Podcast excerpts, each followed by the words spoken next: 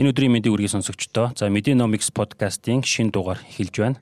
Бид энэ удаагийн дугаартаа за богино позиц буюу short арилжааны талаар хөндөн TDB Securities үнцаасны компани дид захирал инх баттай ярилцахад бэлэн болсон байна. За тэгэхээр зочиндоо энэ өдрийн мэндийг хүргэе. Аа өдрийн мэнд. За ерөөхдөө short арилжааны хувьд хувьцааг зээлээр авч зараад за тэр хувьцаа нь өсчихгүй бол дараа нь бага үнээр эргүүлэн худалдаж аваад зөрүүнээс нь ашиг хийхийг хэлээд байгаа шүү дээ. Тэгэхээр Монголын хөрөнгөний захад энэ мэт хэрэгслүүдийг нэмэх нь за нэг талтаа бол хөрөх чадрыг сайжруулах давуу талтай. Гэхдээ өөрөө богино позиц буюу шот харилцаа гэдэг маань өөрөө бас тодорхой хэмжээний одоо маргаан дагуулсан асуудлууд сөрөг талуудтай ч байдаг. Тэгэхээр энэ талаар хоёлоо энэ удаа сонсогчдоо дэлгэрэнгүй мэдээлэл хүргэе. Таны хувьд энэ шот харилцааны хувьд богино позицийг одоо Монголын хөрөнгөний захад нэвтрүүлэхийн ач холбогдлыг та юу гэж харж байна? Шорт арилжаа гэдэг маань богино бодис дөрвөөсөн чинь хувьцааны ханшийн хувьцааж байх төдөг ер нь аль тухайн актив те одоо энд одоо валют хийж болно одоо юу хийж болно ханшийн уналтаас бол ашиг гэдэг ийм арилжааны бол хэлбэр байгаа. Хөрөнгөний зах зээл дээр одоогоор энэ бүтээгдэхүүн бол байхгүй байгаа манай дотоод дээр. Тэгэхээр ер нь бол дунд хугацаанд бол ямар нэг байдлаар бол энийг бол шингээх хэрэгтэй гэж харж байгаа. За яагаад вэ гэхээр нөө Франц efficiency гэдэг те үр ашигт одоо үн гэдэг одоо яг үр ашиг зах зээл гэж ярьдаг.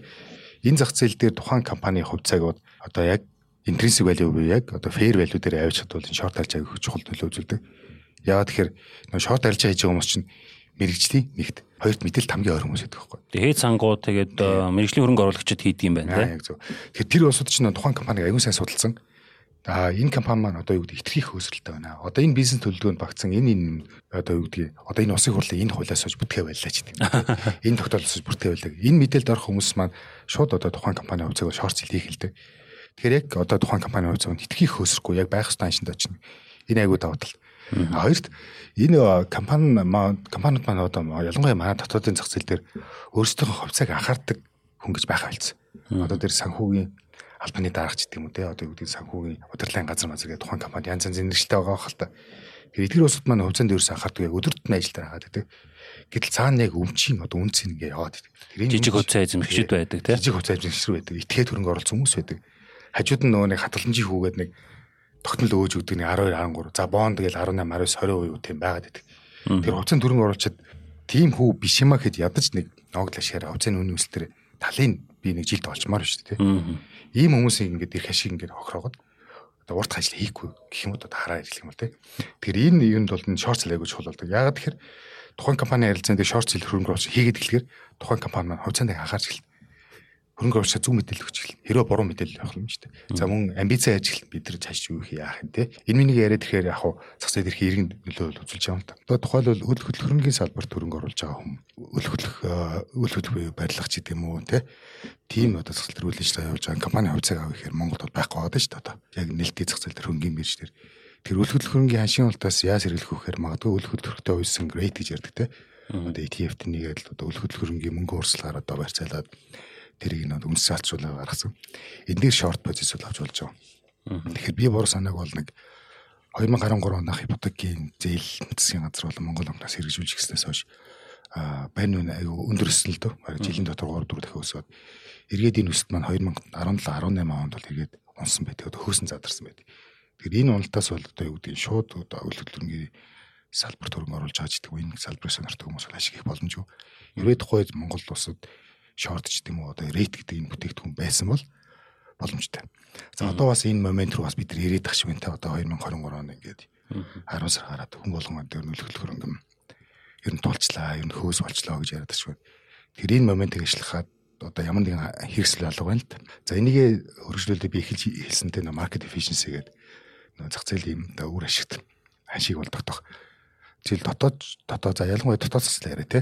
Дотоод зах зээл маань ерөөхдөө л жижиг юм одоо 10 их нэдэр бол хэмжигч байна. За үүнээс нэг одоо худалдаа хөгжлийн банк, ХАМИК, Инвескор, Апоч гэх юм уу. Эдгээр компаниудын одоо зах зээлийн үнэ баг нийт зах зээлийн үнэ 60 70% болчиход байгаа. Тэр өөрийн зах зээл нь жижиг. Тэгээ жижигхэн болох нь цөөн тооны орцогч нар ордог.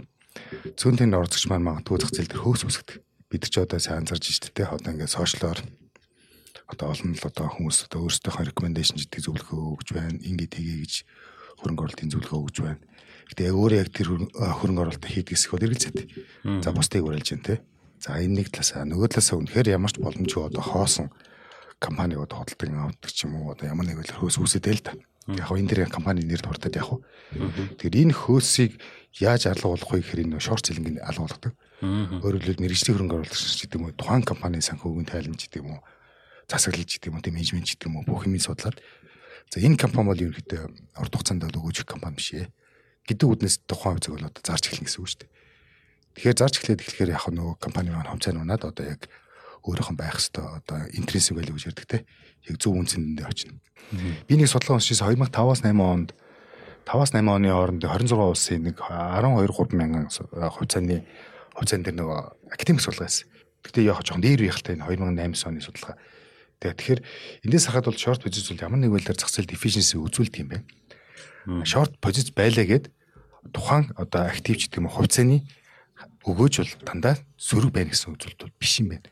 Өөрөөр зах зээл өөрөө өөрийгөө коррекцийг яваад байгаа байхгүй. Нэг ийм нэг судалгаа байсан. Энэ нөгөө санхүүгийн зах зээлийн хямралын өмнөх судалгаа л да. Үүнээс хойш бол мэдээж л их юм бол өөрчлөгдсөн. Дайнтай байна. Хойно дайнтай байна, урдаа им рестрикшнтэй байна. Одоо манай улсын хувьд жишээл Америк бол жишээл одоо 2008 оны хайцуулалт одоо глобал гэвч гэдэг юм айгүй өөр боллоо шүү дээ. Бодломжсон өөр боллоо. Тэгэхээр яг 8 оны судалгааг одоо яг хайцуулт их нь бас нэг талаас юу бол тээ Гэхдээ яг энэ бол академик судалгаа болохоор ерөнхийдөө үнний ортол гэж би харж байна л да. За тэгэхээр энэ шорт арилжаачдын хувьд бол өөрсдийгөө зах зээл компаниудын үнэн шудраг байдлыг хангаж гинэ гэж тайлбарладаг. Нөгөө талдаа шүүмжилж байгаа хүмүүс юу гэдэг вэхээр тэднийг зах зээлийн манипуляцад дэндүү орхон гэдэг юм байна. За харин зохицуулах байгууллагын бол шорт арилжаачдыг нэлээд болгоомжлонгуй ажигладаг. За ялангуяа одоо их хямралын үеэр Америкийн эзэн улсад жишээ нь энэ шорт арилжааг одоо хоригдж исэн, хязгаарлаж исэн За шорт арилжаа маань өөрөө ингээд бас контроверси буюу тодорхой хэмжээний маргаан дагуулдаг. Энэ сөрөг тал дээр нь та юу юуг онцолж хэлэх вэ? Хайгаа үзэхээр яг энэ шорт арилжаанд эцсийн зорилго нь юу юм бэ гэхээр яг нэгт хээж байдгийг. Хээж буюу ханшийн эрслээс хамгаалах те.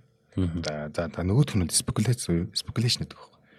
Тэгэхээр спекуляц одоо хитрхи их одоо хараа хяналтаас гараад ирэх юм бол энэ өөрөө чон сөрөг нөлөө үзүүлж байгаа. Тийм учраас одоо Америк нэгдсэн улс 8 9 онд одоо цаг үндэслэл ямралт үүсээд хитрхи их одоо актив дан шунаад ирэхээр Ирээд хоригдж байгаа юм л та. За сүүл 2017 онд яасан бах те. Хятад бас тэгсэн. Тэр хятадын эдийн засаг маань одоо 2000 оноос гараад их эрчимтэй өсч ирсэн. За түүнтэй холбоотой 2016 7 онд маш том хөөс үүссэн. Эргээ 2017 онд тэр хөөс задарсан. Нэг өдрийн арилжааны хөөс задралтын хэмжээнд тухай Грекийн дотоодын нийтвүүдийн дижсэн байхгүй. Тэр ийм том асуудал дагуулж исэн болохоор одоо үүдийн хятадын засгийн газар сол шорт харилжиг бол тэр доор нь хожиж исэн. За тэгээд тухайн үед орчоод тодорхой хугацаанд буцаад сэргийсэлтэй. Тэгэхээр ингээ харахад нэг бол огт муу юм бол биш. А бас бас огт сайн бол биш. Тэгэхээр яг хав зах зээл ямар нэг байж хэмжээнд бол байж бүтээгдэх юм уу? Биднийг очун үндэсний компани гүйцэтгэх захирал оргилдоо ярилцж байхад тэрээр бас хэлж ирсэн л да. За эхний ээлжинд ядаж одоо багжуудыг нь байлгах хэрэгтэй. Шорт арилжааг бий болгоод багжуудыг нь эхний ээлжинд ядаж байлгах хэрэгтэй. Үүнийг дагаад хувьцааны хадгаламж гэдэг бүтээгдэхүүн гарч ирнэ. Хөрөнгө оруулалтын сангууд зээлдүүлэгч талууд одоо томроод ирнэ гэдэг ийм байр суурийг илэрхийлж стайн дээр ямар бодолтой. Зүг зүг. Одоо яг эхлээд одоо юу гэдэг нь шууд ингээ нээлттэй одоо юу гэдэг зах зээл дээр нээлттэй ингээд ширэн дээр ингээд хоол идгээд тавьж байгаа тавхаас илүүтэй эхлээд жоохон мэрэгжлийн тал руугаа одоо юу гэдэг мэрэгжлийн сангууд нь эхлээд энэ шорт зэлэн эрхийн өгдөг ч юм уу те ийм байвал их зүгээр баг. Тэгэхээр нөгөө энийг дагаад нөгөө сангууд нь хөгжөөд эхэллээ. Одоо би бол хувьдаа жил одоо нэг Apple-ийн компани хувьцааг судлаал. За дахиад өө 4 5 компани хувьцааг судлаал. Надаа цаг зав байхгүй. Бас миний чадалж бас хэмжээтэй шүү дээ. Тэгэхээр яг тэр санд ажиллаж байгаа хүмүүс маань одоо юу гэдэг маш олон төрлийн компаниг судлаад, олуулаад судлаа тий. Recommendation гаргадаг юм тий. Энэ сан, энэ сан, энэ компани сайн юм уу гэж. За тэрнийгээ дагаад хөрөнгө оруулалтын шийдвэр гаргаад тэр хөрөнгө оруулалтын шийдвэр шорт юм уу богино позиц төр үндэслээ тий. Ингээ бол надад бол амар. А гэхдээ би нөгөө миний хэлэх гэдэг нэг мэд манай Монгол улсын одоо бодлого тодорхойлогч нар за Америкт гэж чинь Европт гэж чинь эднээс ингээ санхүүгийн стандарт ийм болж байгаа байхгүй. Бид нар Америкт очиагүй бид нар Европт очиагүй бид нар тэр улсын гишүүн улс биш. Одоо жишээ Европ албаны гишүүн улс бид нар биш байхгүй. Тэгээ яагаад тэр мийг ишээ гэдэг наах гэдэг.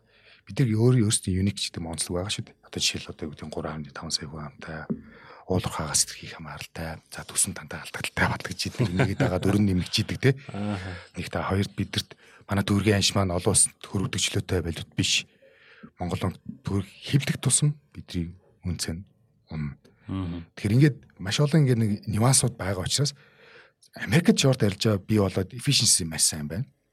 Японд ийм болоод ийм байна. Тэгэхээр энэ шууд аваад ирэхээр бас жоохон учир дутглаа. Тэгэхээр энэ юу цаад утгаар нэг реформ шин чанартай юм болохоор нэлийн том судалгаа шинжилгээ хийж иж энэ зах зээлд оролцогчдын санал дүгнэлтийг авч иж бол хийх хэрэгтэй байна. Гэхдээ оройн нэг 3-аас 5 жилийн дотор орох хэвэл захиуг хэрэгслүүдийн нэг болов л гэж бодож байна би хувьдаа. За би бас нэмж э, зарим нэг э, уншсан фактуудад дурдмаар байна. За шорт арилжаа буюу богино позиц гэдэг маань бас э, саяхны саяхан бий болсон зүйл биш. Аль 1600-аад онд бол Нидерландын арилжаачдын хувьд бол шорт хийж исэн байна. Тухайн үед бол алтан зул цэцгийн хөөс гэдэг нэлээ их том түүхэнд үлдсэн үйл явдал болж исэн.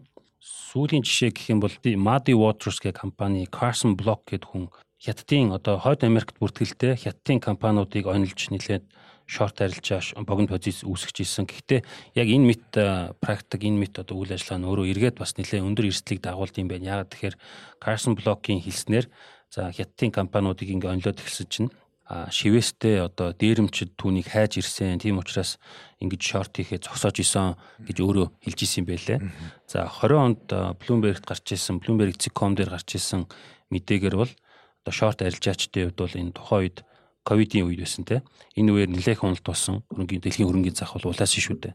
Энэ үеэр 50 тэрбум гаруй долларыг бол шорт арилжаачд хийж исэн байна. Гэвчлэн энэ шорт арилжаа энэ богино позицийн талаар бол олон улсын зах зээлд бол мэдээл маш их байдгаа. Тэгэхээр одоо дэлхийн өөрөө одоо улам хавтгай болж байгаа мэдээллийг бид нар одоо урд өмнөхөөсөө илүү сайн авч байгаа. Нийгмийн сүлжээ хөгжихийн хэрээр одоо энэ шорт арилжаа хийдэг мэрэгжлийн хөрөнгө оруулагч сангууд те мэржлийн хөрөнгө оруулагчид хүртэл одоо мэдээлэлээ илүү өргөн хүрээнд цацж чаддаг болсон байна. Тэг эндээ холбогдуулаад хэлвэл та ямар бодолтой байна? Дөрөн би бас шийдвэрчсэн. Сайн нэг одоо наад юу гэж сонсоо бодлоо. Сайн ихэд нэг Аданы гэж нэг хүн байсан. Аданыг те Хинденбург. Тийм биллионерийг одоо тэр хүн маань яг хаа ер нь олон олон салаад тэр санхүүг нэгдэл юм билээ л те. Тэгээ ер нь бол ингэдэг тэр хүн байна үү нэг. Энэтэй холбоотой Америк нэгдсэн улсын за би сайн нэрийн санахгүй нэг шинжиж маань энэ бол ерөөд яг понзи схем очлоо, хөөс очлоо гэдээ маш том судалгааны материал гаргаж тавьсан. Тэгэхээр үүний дараа бол тухайн компани худасны ашуул маш хүчтэй боломжтой дурдсан байгаа. Тэгээ эргээд явах жоохон сэргцэлээс л та. Тэгээ тэр санхүүгийн шинжиж маань эргээд нөгөө шууд шууд тусдаараа тэр аданигээс жоохон тэр нэг дарамт бол ирсэн гэж сүүл хийжсэн. Тэгээ яг манай хүн бол айгаагүй юм билээ л дээ. Хийх ёстой юм хийсэн, хэлэх ёстой юм хэлсэн гэд. Энэ талаас нь харуул нэг жоохон тиймэрхүү Тэгээ нөө манай цэцэл жижиг штэ. Тэгэхээр бас бид нар бас жоохон бодох хэрэгтэй багч. Миний сүүлдээ тоо орж хат Америк нэгдсэн улсад хөрөнгөний зах зээл оролцогчдын тоо нийт хүн амынхан бараг 50 орчим хувьтай.